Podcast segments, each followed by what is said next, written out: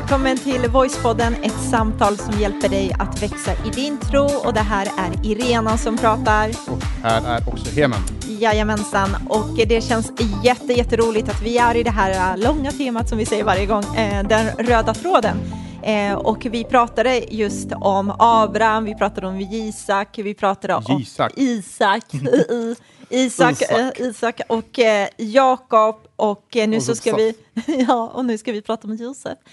Så det ska bli jätte, jättespännande. Jag tycker Josefs liv är fascinerande. Men innan vi kastar oss in i hans liv, för han är ju känd för den här röda, eller röda, han är känd för den här manteln som han hade, Mm. som stack ut och var väldigt fin och sådär, så måste jag Heme påpeka dina kläder idag. Mhm. Alltså du ser väldigt eh, ledigt klädd ut och då menar inte jag att du sitter här med kalsonger framför mig, utan eh, du är väldigt relaxad.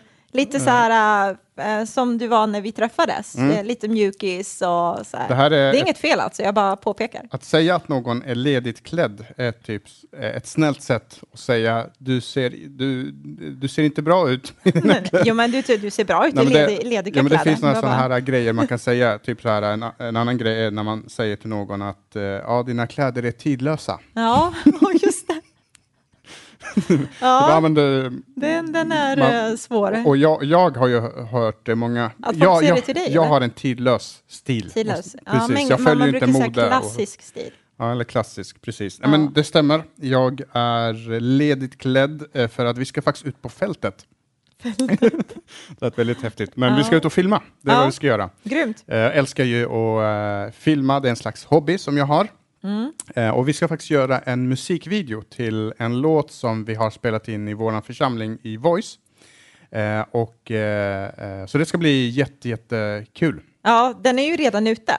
Den är redan ute, den Mm. sången är redan ute. Den heter Ära till dig Gud och den finns att lyssna på på Spotify och på iTunes och Youtube och alla möjliga Mm. eh, ställen. Men nu tänkte vi också att vi skulle spela in en musikvideo kring den Mm. och vi har, fått vi har fått låna en av de vackraste kyrkorna här i Norrköping som heter Matteuskyrkan. En så här jättestor, pampig Ja. kyrka som är lite speciell för den är lite mer träig än Mm. vad många svenska kyrkor brukar vara. Mm. Så där ska vi vara och eh, försöka göra en snygg video som kommer komma ut i, på Youtube sen, så den Ja. får man kolla, kolla in. Och det är alltså en video där Heman är bakom kameran, så du är inte med i någon sån här boyband-video där det regnar och ni har skjorta på er och ni liksom så här. Den Get drömmen kommer uppfylla. Get down and move it all around. Kommer du ihåg den? Ja, jag kommer ihåg den. Jag tänkte fortsätta sjunga, men jag, eh, Jag hade ett sånt boy, boyband med mina...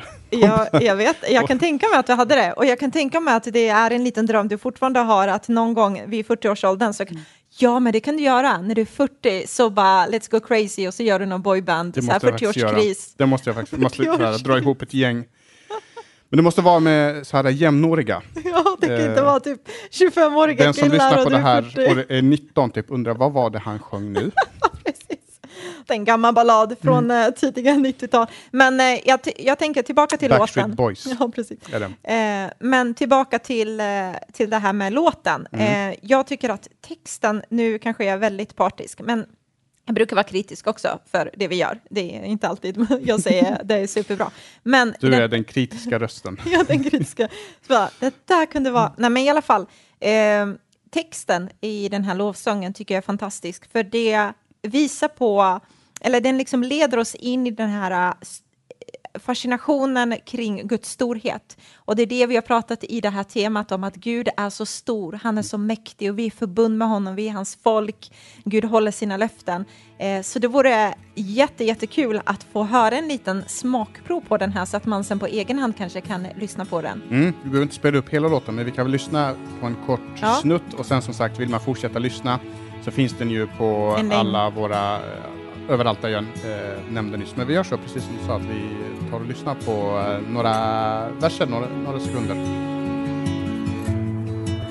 Vad skulle jag vara om du inte drog mig upp ur dyn? Hur är det ens möjligt? Du ser mitt inre och kallar mig för din. Åh, här är mitt hjärta, nu för evigt är jag din. Du är underbar Alltid oslagbar ära till dig Gud Hör sanning ljuda nu brister ut ära till dig Gud.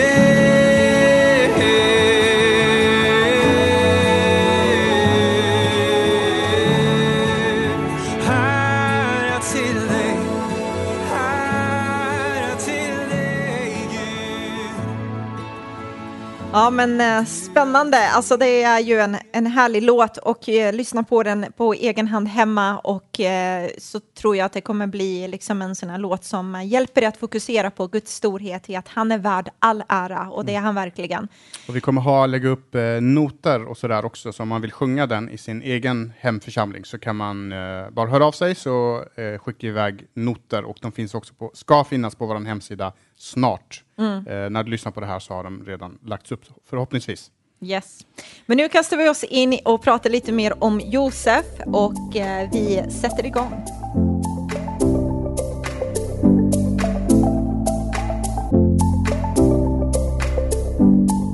Men många av oss har eh, någon slags bild av Josef för att man har sett eh, kanske Disney-filmer eller man har sett liksom, man har läst eh, eh så här barnbibeln så brukar Josef finnas med och han brukar faktiskt kallas eh, den här personen som hade en mantel med många färger. Eh, och eh, ibland ska man tänka så här, men vad är det för speciellt med det, att det är en mantel med många färger? Men grejen var och är att på den tiden så var det jättesvårt att framställa färg. Alltså allting var bara typ naturfärgad, beige. Det eller som är inne nu i höst. exakt, exakt. Som, precis, så modet kommer Ja. tillbaka som ni märker. Ja. Eh, men men så, så man hade ju inte färger på det sättet och det är faktiskt någon, en lyxvara som vi har i våran tid, att man faktiskt kan ha en blå tröja eller en röd tröja och så vidare. Jag vet egentligen jag kan inte så mycket om hur färger framställs, men eh, ett tag så framställde man färger genom att typ man kokar eh, så här lök, eh, så här, bladen Just av en lök det. så får man brun färg och, och så att man, man var tvungen att vara kreativ och försöka hitta olika sätt för att få fram de här färgerna. Och därför så blir det väldigt speciellt här att Josef fick den här manteln för att hans pappa Jakob tyckte att han var väldigt, väldigt speciell. För Jakob var en av tolv söner. Ja, Josef var. Eh, förlåt, Josef var en, du märker hur man blandar ihop allt. Josef var en av eh, tolv söner och han var den yngsta sonen och han var också sin pappas favorit. Och det var därför han fick den här manteln. Eh, och att han var hans, eh, sin pappas favorit var ju inte jättepopulärt bland de andra såklart. Eh, så de andra tyckte lite illa om honom, de snackade skit om honom och vid ett tillfälle så till och med eh, slog de ner honom, kastade honom i en brunn och sen så sålde de honom till Egypten. Eh, så det var liksom den korta storyn. Eh, och, och Josef eh, var inte helt eh, oskyldig kan man säga, han förtjänade inte att bli behandlad på det sättet. Men han kunde ju inte sluta skryta om att han, han fick drömmar om att hans familj skulle böja sig för honom och han var all that. Eh, och det spädde på ännu mer det här, liksom, men, här kommer drömmaren pratar om, låt oss döda honom eller låt oss eh, eh, liksom, Slå ner honom slå och ner så. honom och, och så vidare. Alltså det är Så- ju... Ja. Mm, ja, men så det var så här kortfattat om vem Josef var. Ja, och det är ju en eh, helt eh, galen story även det, liksom. och det är det jag älskar med Bibeln, att det är så rått ibland och så ärligt, för att det är så våra liv också kan ibland vara, att det är inte så väl polerat liksom. Men det, det galna är att inte bara att de tyckte illa om honom lite, utan de, deras handling visar på hur avundsjuka och vilken ilska och mörker de hade i sitt hjärta gentemot sin lillebror. Och inte bara att de säljer honom som slav, utan de berättar för sin pappa att han är död. Eh, och det i sig är ju ganska, alltså det, då går man hela vägen. Så han hamnar i Egypten, så hamnar han som slav och hamnar i fängelse för någonting han egentligen inte har gjort. Och när han hamnar i fängelset så tänker jag att han måste nog ha funderat på, för att han har ju hört om Gud, tänker jag. Hans pappa Jakob är i förbund, liksom han har pratat om Gud, Gud har varit trofast, Gud är på det här sättet, vi håller oss till våran del.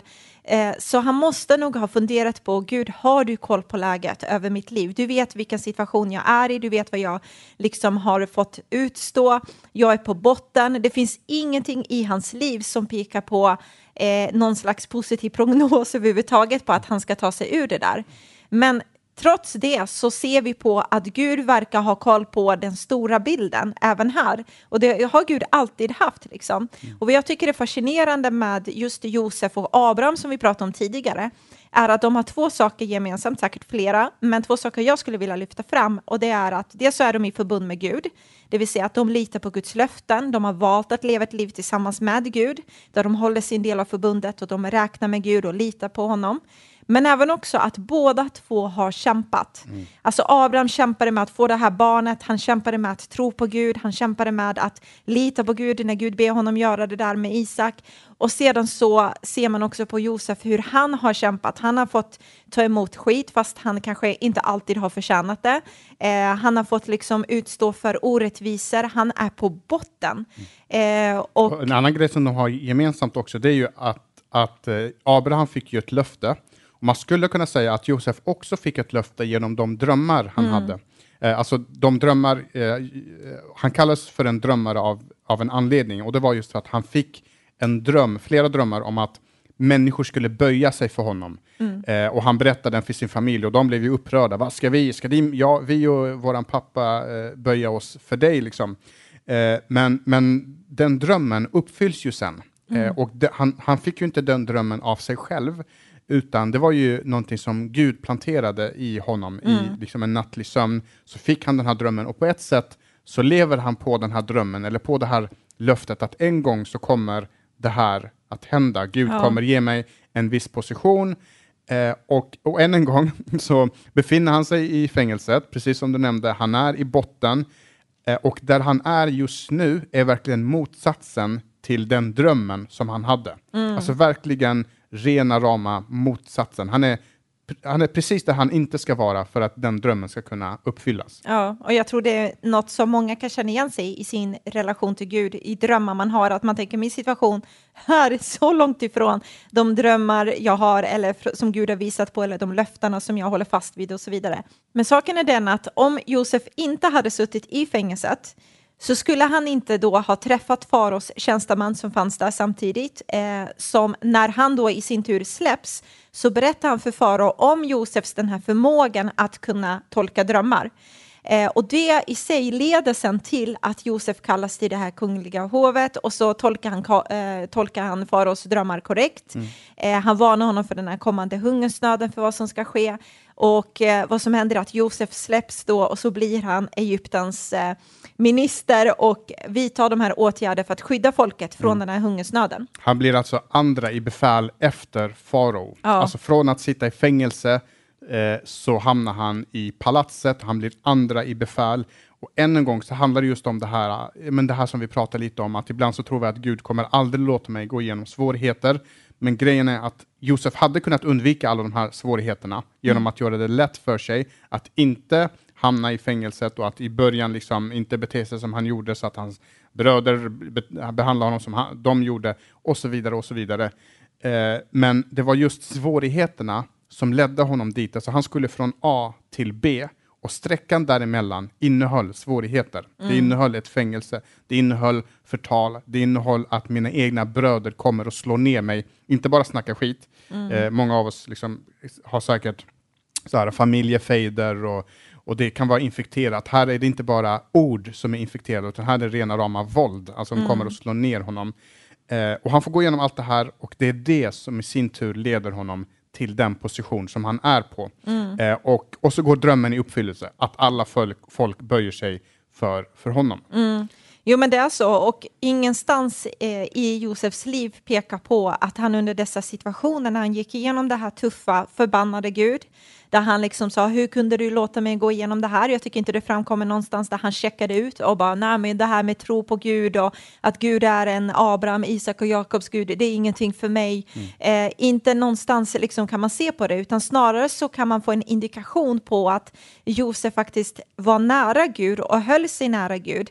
Eh, från att han har varit den här personen som du säger var väldigt irriterande, lillebrorsan som man tyckte kanske tog för mycket plats, till att hamna där, så ser man inte någonstans under den här resan i att hans hjärta liksom blev mörk, utan snarare så ser man i ett möte med sina bröder att Gud måste ha förändrat någonting i, inom honom. Exakt, och det som händer här det är ju att eh, precis som du näm nämner så eh, eh, förutspår han en hungersnöd som kommer eh, och det gör ju att Egypten blir plötsligt navet för hela världen. Det hamnar i fokus för det är de som har maten. De har hunnit spara eh, pengar eller spara i ladorna som vår förra statsminister Magdalena Andersson eh, pratade om. Så de har samlat i ladorna, de har massor, liksom ett överskott av mat. Människor vallfärdar till Egypten för att köpa mat därifrån, för det enda stället då att kunna få det.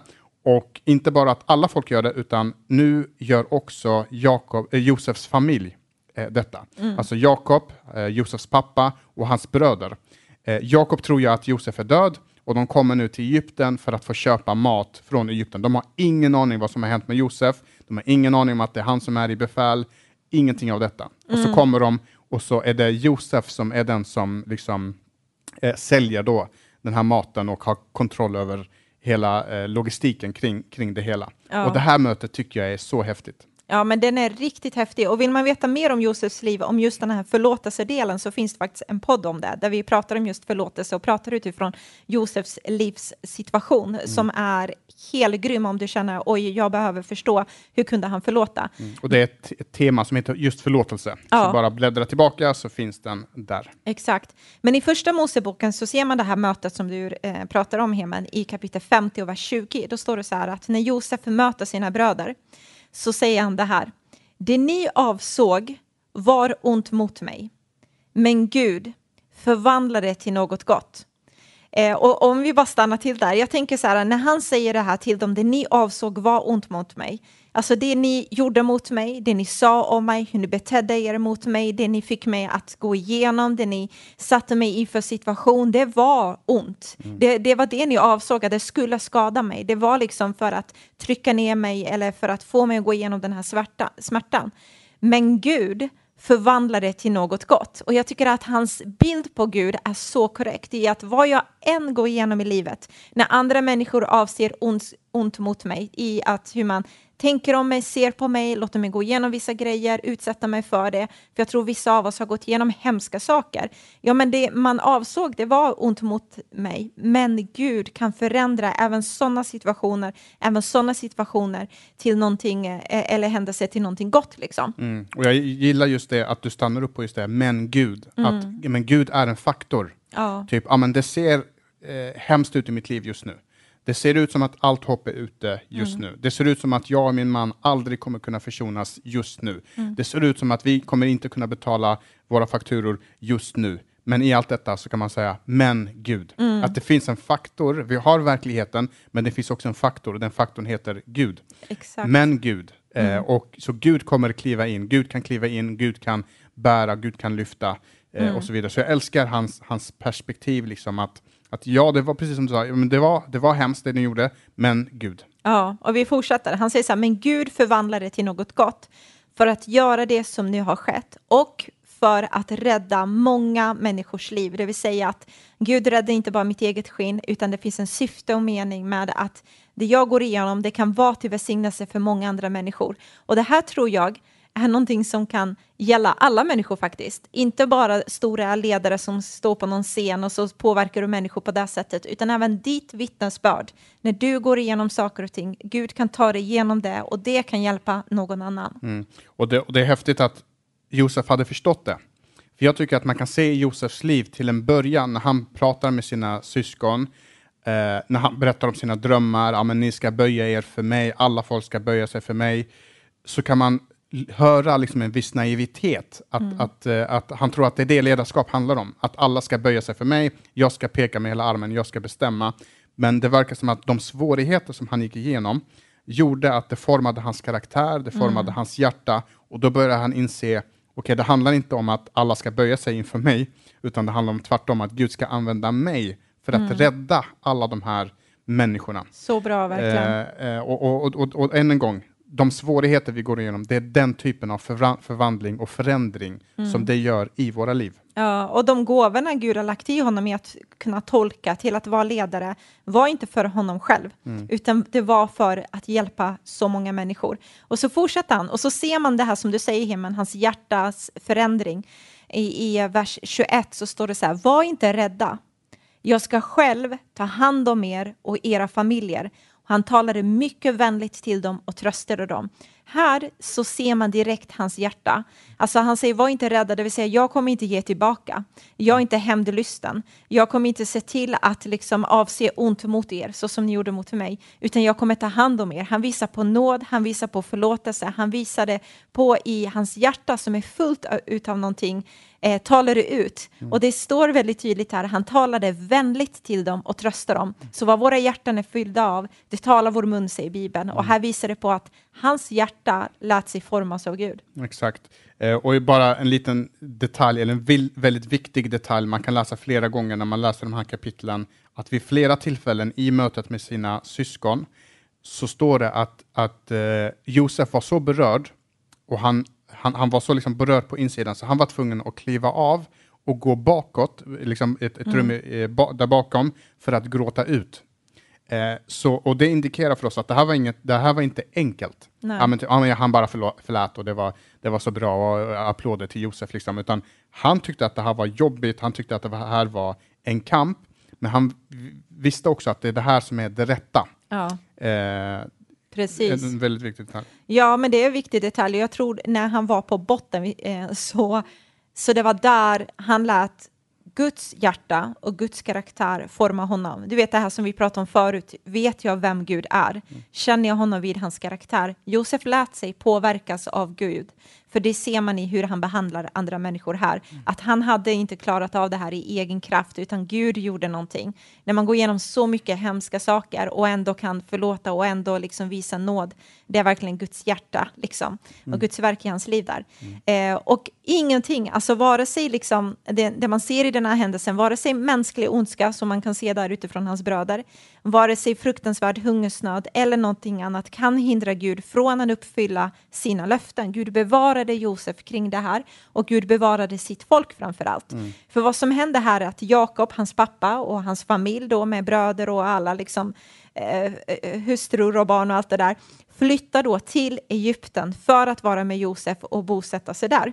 Så hela familjen är då med Josef, Guds folk, alltså Israels folk, är där nu i Egypten. Och vad som händer är att egyptarna börjar tycka att eh, det israeliska folket börjar ta mycket utrymme. Så det man gör är att man börjar förtrycka dem, man börjar göra dem till slavar, man liksom sätter liksom hårt mot dem.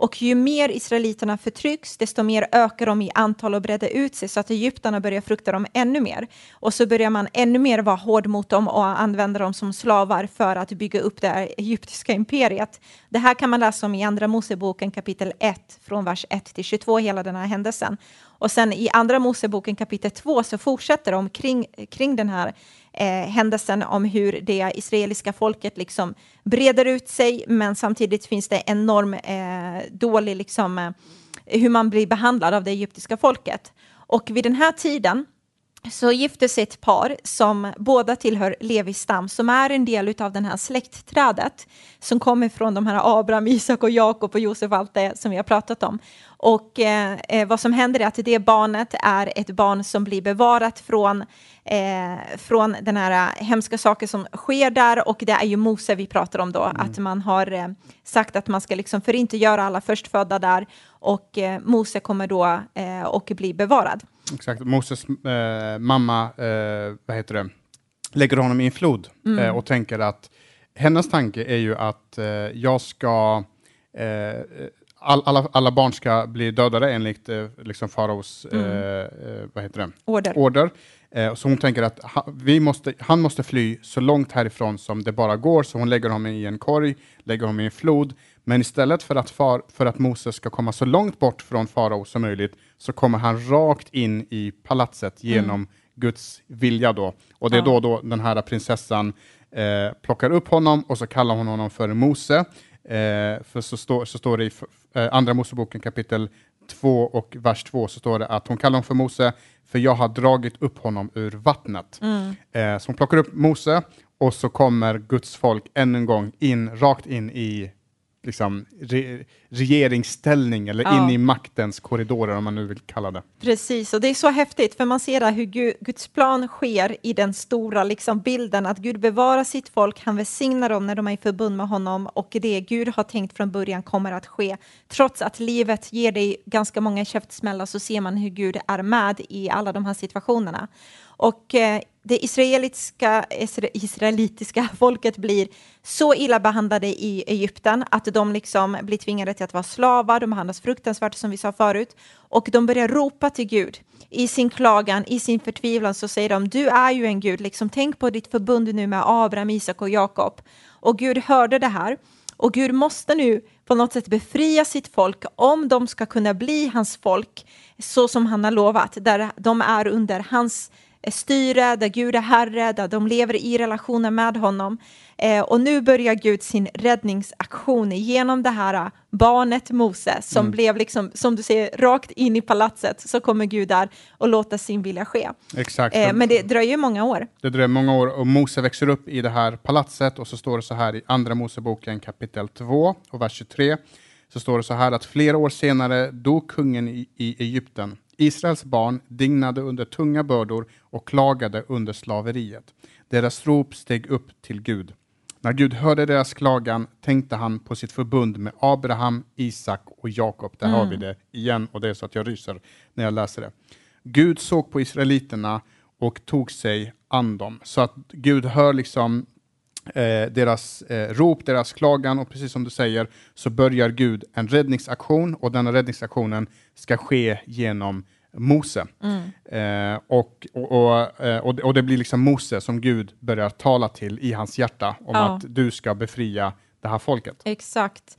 Eh, så Gud uppenbarar sig för Mose när han är ganska stor, eh, så det är inget litet barn där, utan det går många år från att det här händer. Och Mose är väldigt osäker, han vet inte riktigt om han kommer klara det här. Han undrar liksom, hur ska det gå? Han har alla sina om och men, vad händer om det och det och det? Eh, vad ska jag säga när folk säger att, eh, att jag är utsatt som ledare för det här folket? Precis, innan det, jag tror vi måste bara backa bandet lite. Eh, det som händer är ju att det går upp för Mose i hans hjärta, att, för han, Mose känner ju tillhörighet till det här folket. Han, han själv har blivit en, en egyptier kan man säga, Ja. men han är samtidigt en israelit och han ser hur eh, sitt folk behandlas illa och när han blir äldre så börjar han liksom reflektera över det. Och vid ett tillfälle så går det upp i hans hjärta att ja, men, kanske vill Gud rädda dem genom min hand, genom mig. Eh, och det är mycket riktigt, Gud ville rädda dem genom Mose, men tiden var inte än, utan Mose gick ut i det här lite för snabbt. Eh, och, eh, så det han gjorde det var att han dödade en av eh, vakterna, eller en av, eh, vad kallas de? Ja, men soldaterna. soldaterna som, som liksom skulle se till att de jobbade hårt. Och efter det så flydde han ut i öknen för att han hade gjort liksom, eh, han hade visat sitt rätta jag, sin rätta färg, att han var mer mån om israeliterna än Egypten. Så han flyr ut och i öknen så möter Gud honom nu och ger honom då det här budskapet. Du ska tillbaka nu och så ska du rädda eh, mitt folk. Exakt, ja, men det är jättebra. Då har man ju koll på, på den storyn och som jag nämnde precis så var ju Mose väldigt osäker kring det. Liksom vet inte om jag klarar det, hur ska det gå? Han har alla sina anledningar till varför det inte sk- skulle kunna funka. Och så säger han det här, men gud, vad ska jag säga när någon säger liksom, ja men vem har sant dig? Vad, vad, vad är de, den rätta meningen så att säga? Och så säger Gud, jag är den jag är.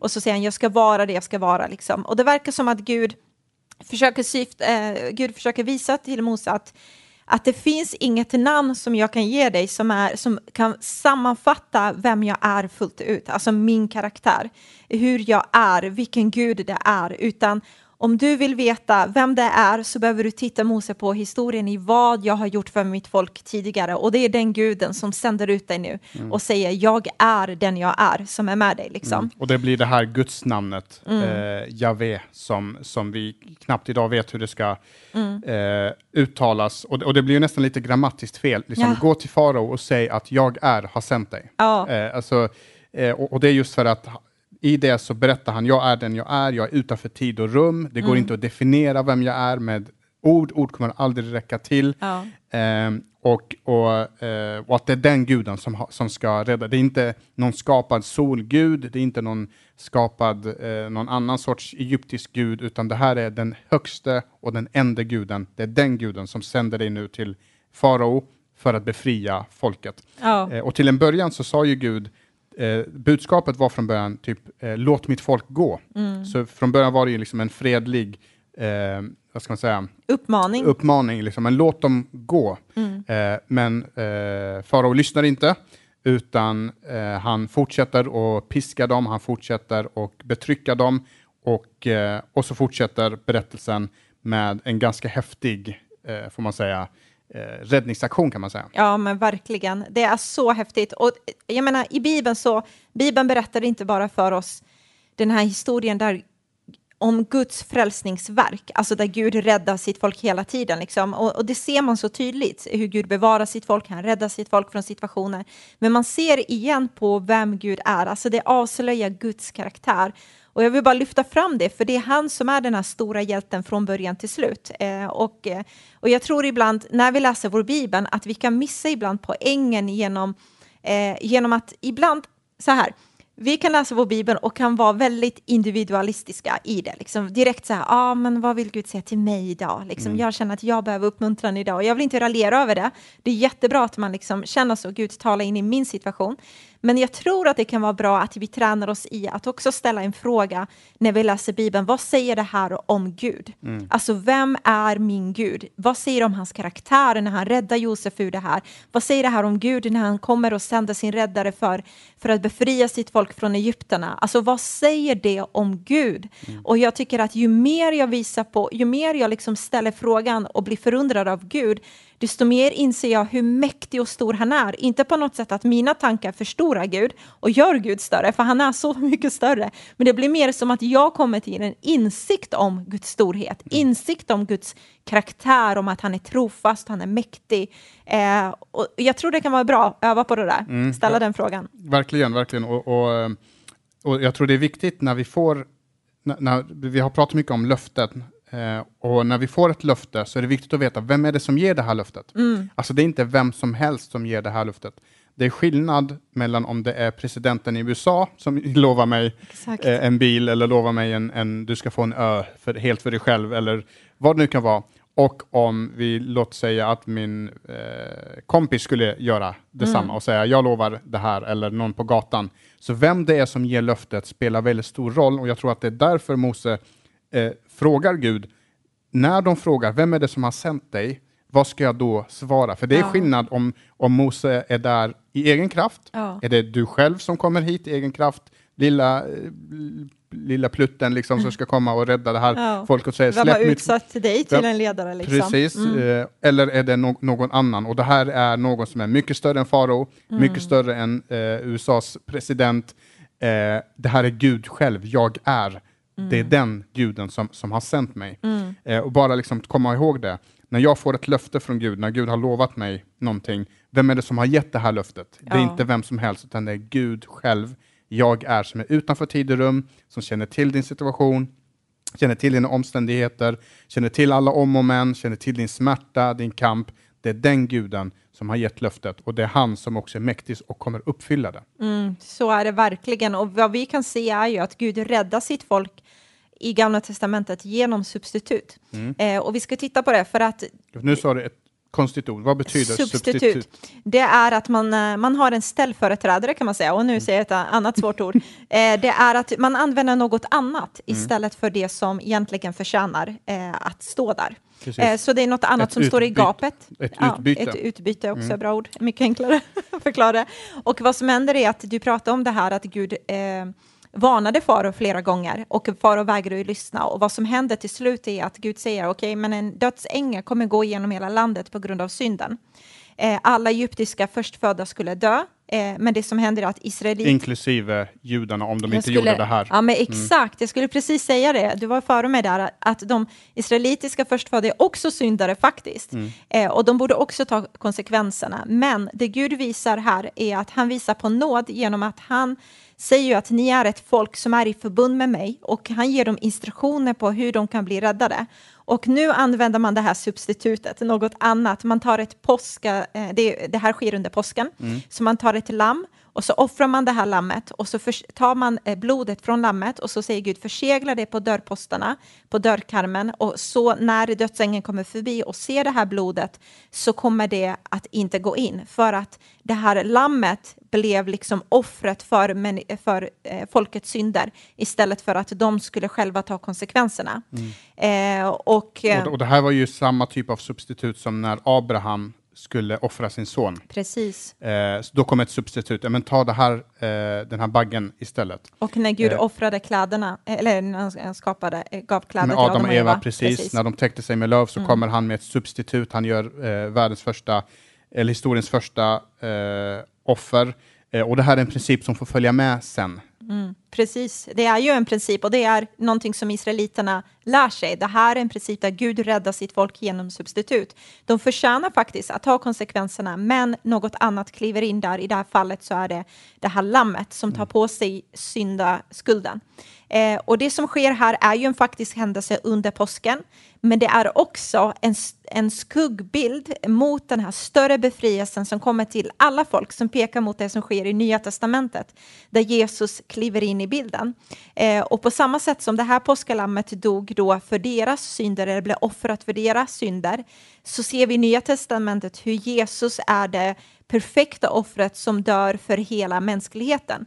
Och det är det som blir så häftigt när Johannes döparen i Nya Testamentet ser Jesus och så säger han, se Guds lamm som tar bort världens synd.